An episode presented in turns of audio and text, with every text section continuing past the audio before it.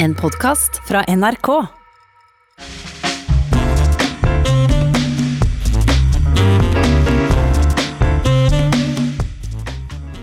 Vi har fått ny sjef for det norske forsvaret. Utnevning av Eirik Kristoffersen ble møtt med digital fellesjubel i Forsvaret, blir det rapportert. Og det er altså deg vi nå skal stifte nærere bekjentskap med. Velkommen skal du være. Tusen takk. Jeg må sitere litt fra et intervju i Dagens Næringsliv. Der står det Eirik Kristoffersen ser ut som om han hører hjemme i en gammel film, som om han har ligget i Nordmarka hele vinteren og akkurat har kommet ned til byen igjen. Kroppen er kantete, ørene litt for store, og nesen er skarp og tydelig som et geværsikte. Han er staut. Hva tenker du når du leser sånne beskrivelser om deg sjøl? Jeg blir jo bestandig overraska når andre skal beskrive hvordan jeg ser ut. Det er jo ikke sånn jeg oppfatter meg sjøl, men jeg har definitivt vært mye ute i skogen og, og ligget i, i felt i, i, mange, mange døgn i min karriere i Forsvaret. Syns du det er positivt å bli sammenligna med en som kommer ut av en gammel film? Ja, det er jo positivt å bli sammenligna med, med gutta på skauen. Det må jeg jo absolutt si. og det er jo derfor vi feirer fortsatt 8. mai, og, og hadde en stor glede av å møte Erling Lorentzen på årets 8. mai.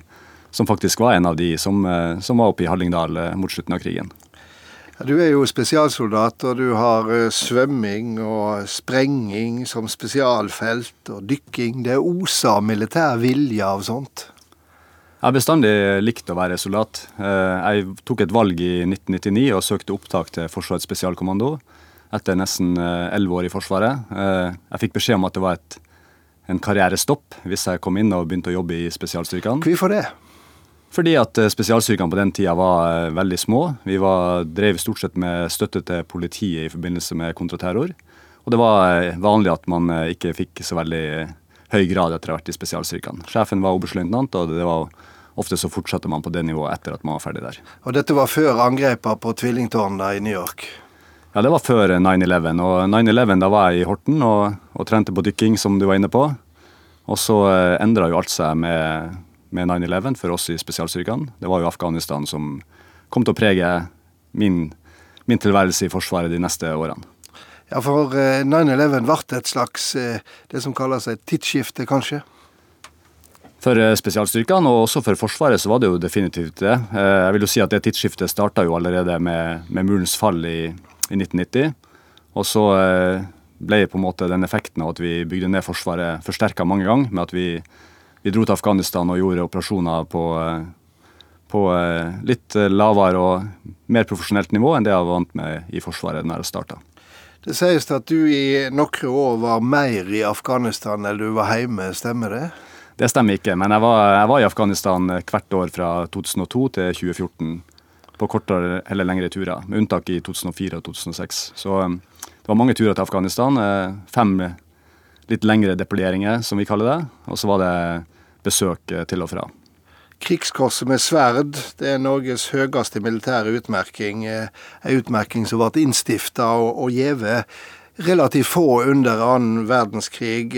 Så ble det ikke delt ut på flere tiår, inntil det for rundt et tiår siden ble tatt i bruk igjen. Og du var en av de første, om ikke den første, som fikk den for tapperhet og særlig fremragende ledelse. Hva forbinder du med det?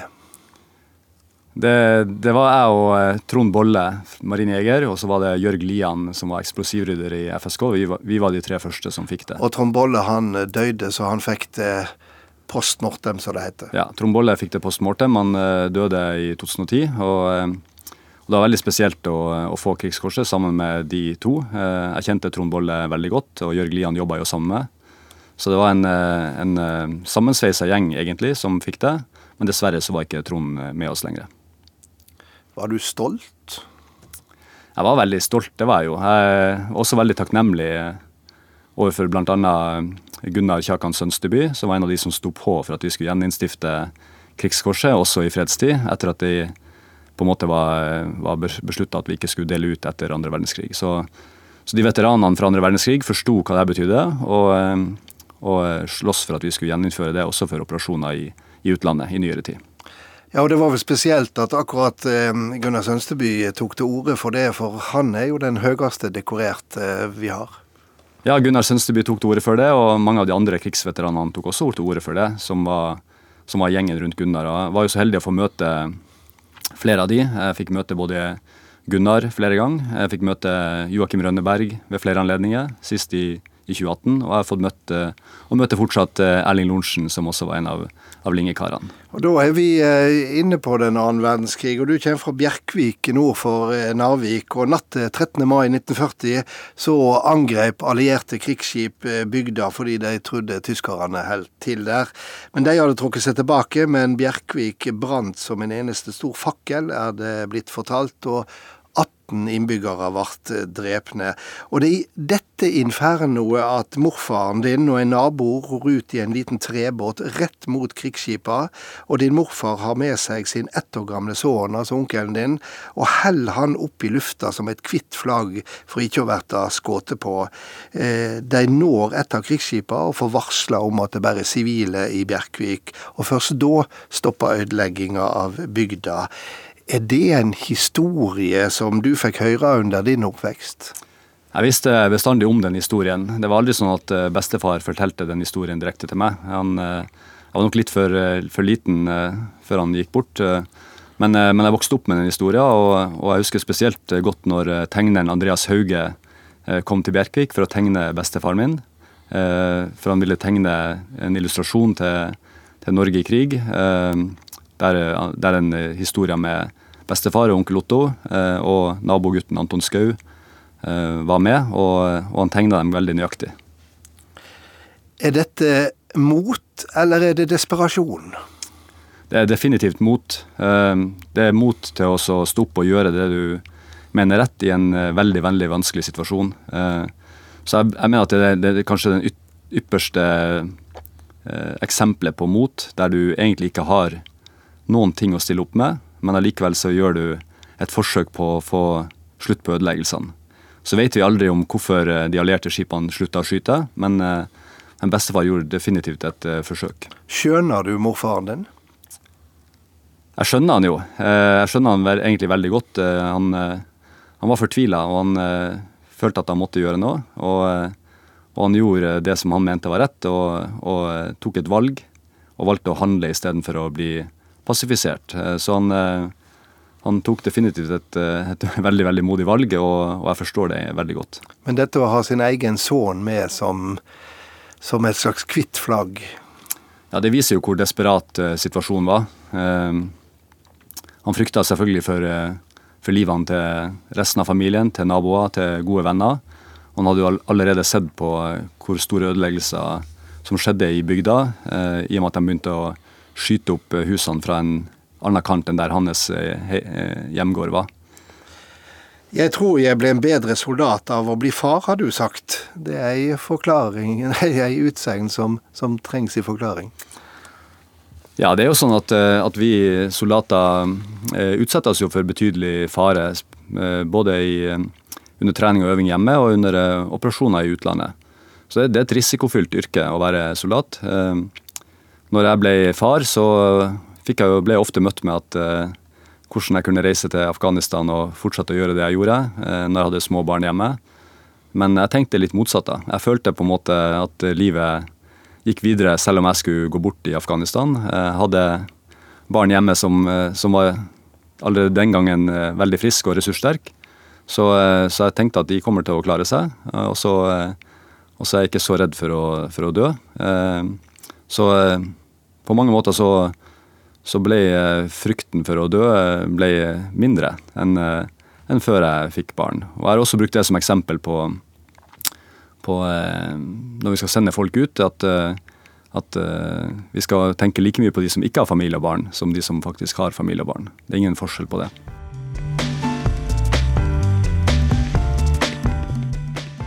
Ja, Du er fremdeles her i Studio 62, Erik Kristoffersen nyutnevnt eh, forsvarssjef. Og det er jo et mye mindre forsvar i dag enn da du eh, begynte. Eh, etter murens fall gjorde vi noen feilgrep. Vi gikk over til å tenke internasjonale operasjoner, men glemte litt forsvar av Norge, har du sagt. Er det mye å rette opp? Det er mye å ta tak i. Det, det, det er helt rett at vi, eh, vi, begynte å fokusere mer og mer på internasjonale operasjoner. og også en stund eh, så var vi i en situasjon der Heimevernet fokuserte mest på å støtte politiet. Vi hadde spesialstyrker som skulle støtte ved kontraterror. Ehm, vi bygde opp eh, små enheter som var veldig profesjonelle, som reiste ut til, Afghanistan eller, eller, andre steder. Og så eh, forlot vi mange av de garnisonene vi har i nord. Eh, Norges dilemma er jo at vi har det mest militært viktige området vårt er, er i Nord-Norge. Til grensen mot Russland og naboene våre i øst. Samtidig som vi har mesteparten av infrastrukturen og de store befolkningssentrene i sør.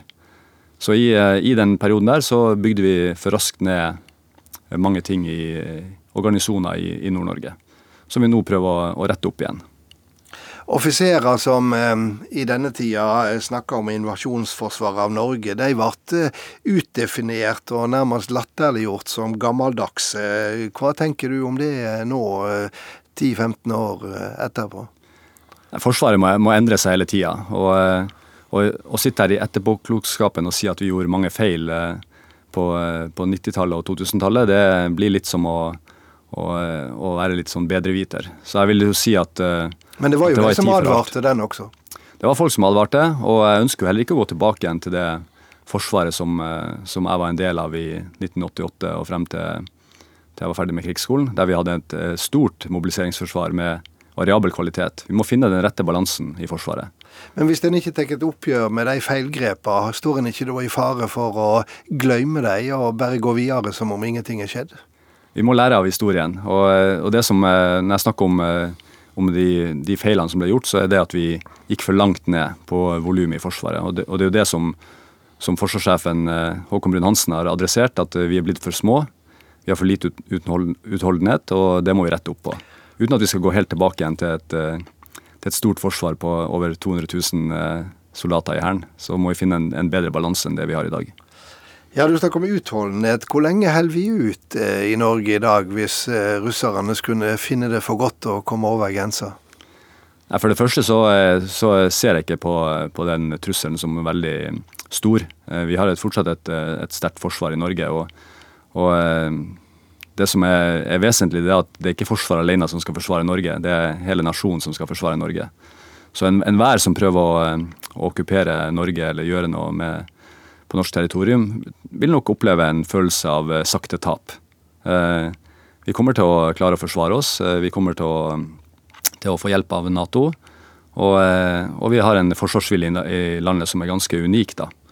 Så vi ser oppslutninga rundt den norske soldaten er stor. Og det å så okkupere et land er særdeles krevende, og det koster mye ressurser.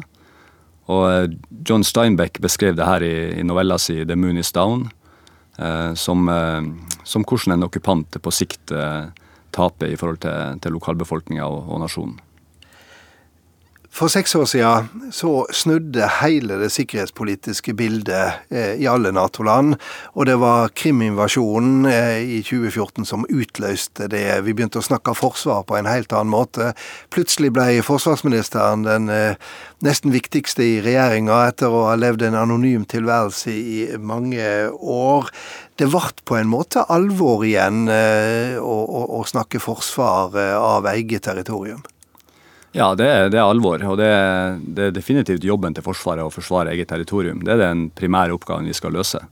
Og det, det, er klart at For å gjøre det, så må vi ha et eh, troverdig og balansert eh, forsvar i Norge. Eh, der vi har balanse mellom Hæren, mellom Sjøforsvaret og Luftforsvaret.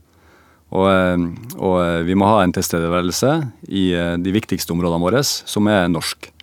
Sånn at vi, vi oppfyller våre forpliktelser i forhold til Nato-traktatens artikkel 3 som at vi skal ha et robust eh, norsk forsvar. Det må vi sørge for at vi har, og det er min jobb å, å, å sikre at vi, vi til enhver tid har det forsvaret som trengs for å, for å sikre vårt territorium.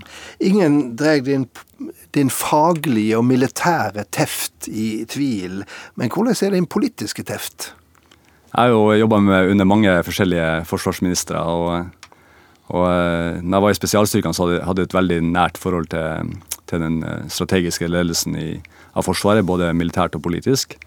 Så eh, hvordan min politiske teft er, det, det, skal noen andre få lov til å svare på. Men jeg, men jeg forstår politikk. Uh, jeg forstår at det er viktig at, at politikerne bestemmer hvordan forsvar vi skal ha. Jeg er veldig takknemlig for at det er de som gjør det, og ikke generalene. Det er det som er på en måte basisen i vårt demokrati. Det at vi har folkevalgte som, som også kontrollerer det viktigste maktmiddelet staten har, nemlig det militære. Jeg leser meg til at du liker å vinne og du hater å bli eh, slått, men du kan komme til å gå på solide politiske nederlag. Er du forberedt på det? Jeg skal ikke drive med politikk. Jeg skal gi fagmilitære råd til, til hvis statsråden. Du, hvis du taper de rådene, da? Ja, da må jeg akseptere at det var en legitim beslutning som politikerne har tatt, og så må jeg gjøre det beste ut av situasjonen. Det er jobben min som forsvarssjef. Det er å, det er å sørge for at vi har et best mulig forsvar for de økonomiske rammene og de føringene som, som regjering og storting legger til oss. Sånn sett så er oppgaven veldig enkel. Det handler om å løse det oppdraget jeg får fra politikerne, og så må jeg ta vare på folkene mine i, i Forsvaret.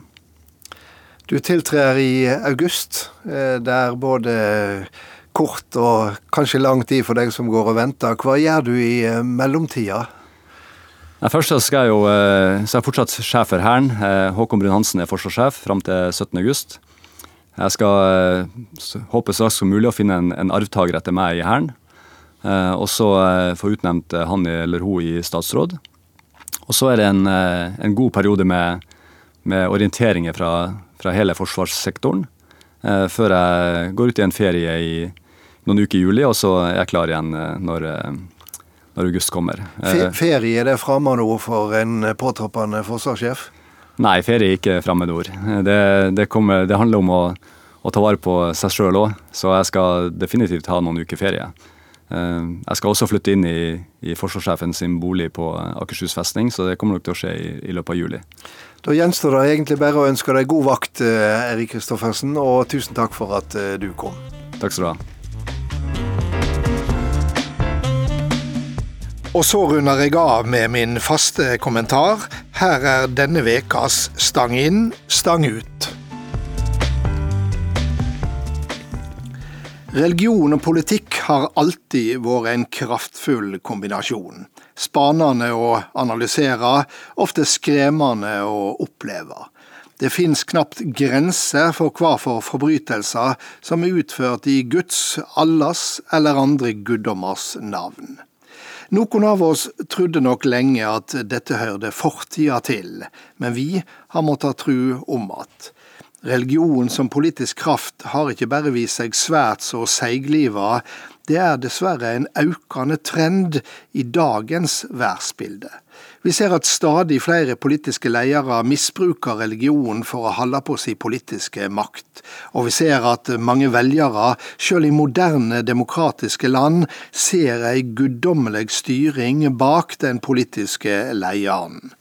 Ei fersk undersøking minner om dette fenomenet. Den er amerikansk og publisert av Religion in Public. Resultatet viser at så mange som halvparten av et utvalg hvite protestanter mener Donald Trump er salva av Gud til å være USAs president. Slikt er ikke til å kimse av, for slike holdninger kommer selvsagt ikke rekende på ei fjøl. For da Donald Trump i fjor høst erklærte at han ville stille til attvalg, så holder den kjente pastoren Paula White Bibelen fram på TV-skjermen og sa at sjølvaste Gud stilte de som ikke stemte på Trump, til ansvar. Nå er Paula White presidentens åndelige rådgiver. Hun er overtydd om at Donald Trump er innsett av Gud for å bringe USA tilbake til det som er hans vilje. Guds vilje, altså, ikke Trumps. I norsk sammenheng er slike koblinger framande og helt utenkelige. Den er så fjern fra vår måte å tenke både politikk og religion på. Men nett derfor kan vi komme til å overse at dette er en viktig dimensjon i mange samfunn, ikke minst i muslimske land. tru og lære setter sitt stempel på politiske retninger og ligger bak handlingsmønstre vi ikke alltid får øye på med vårt norske blikk. Det gjør vi klokt i å være klar over, rett og slett fordi det er en av de dimensjonene vi må ha med oss når vi tolker det som skjer i verda som omgjev vår vær. Den vi er så uløselig knytta til. God helg.